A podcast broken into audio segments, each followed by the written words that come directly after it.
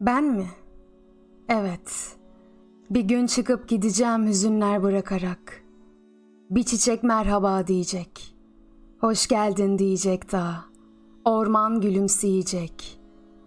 Anımsayışların, bekleyişlerin, ümitlerin ya da ümitsizliklerin kalktığı yerde tam anlatının, salt anlatının kaldığı yerde başlayacak şiir. Hiç kimseye seslenmeyen, kendi kendine yeten sadece. Kendi mantığı, kendi güzelliği içinde tutarlı.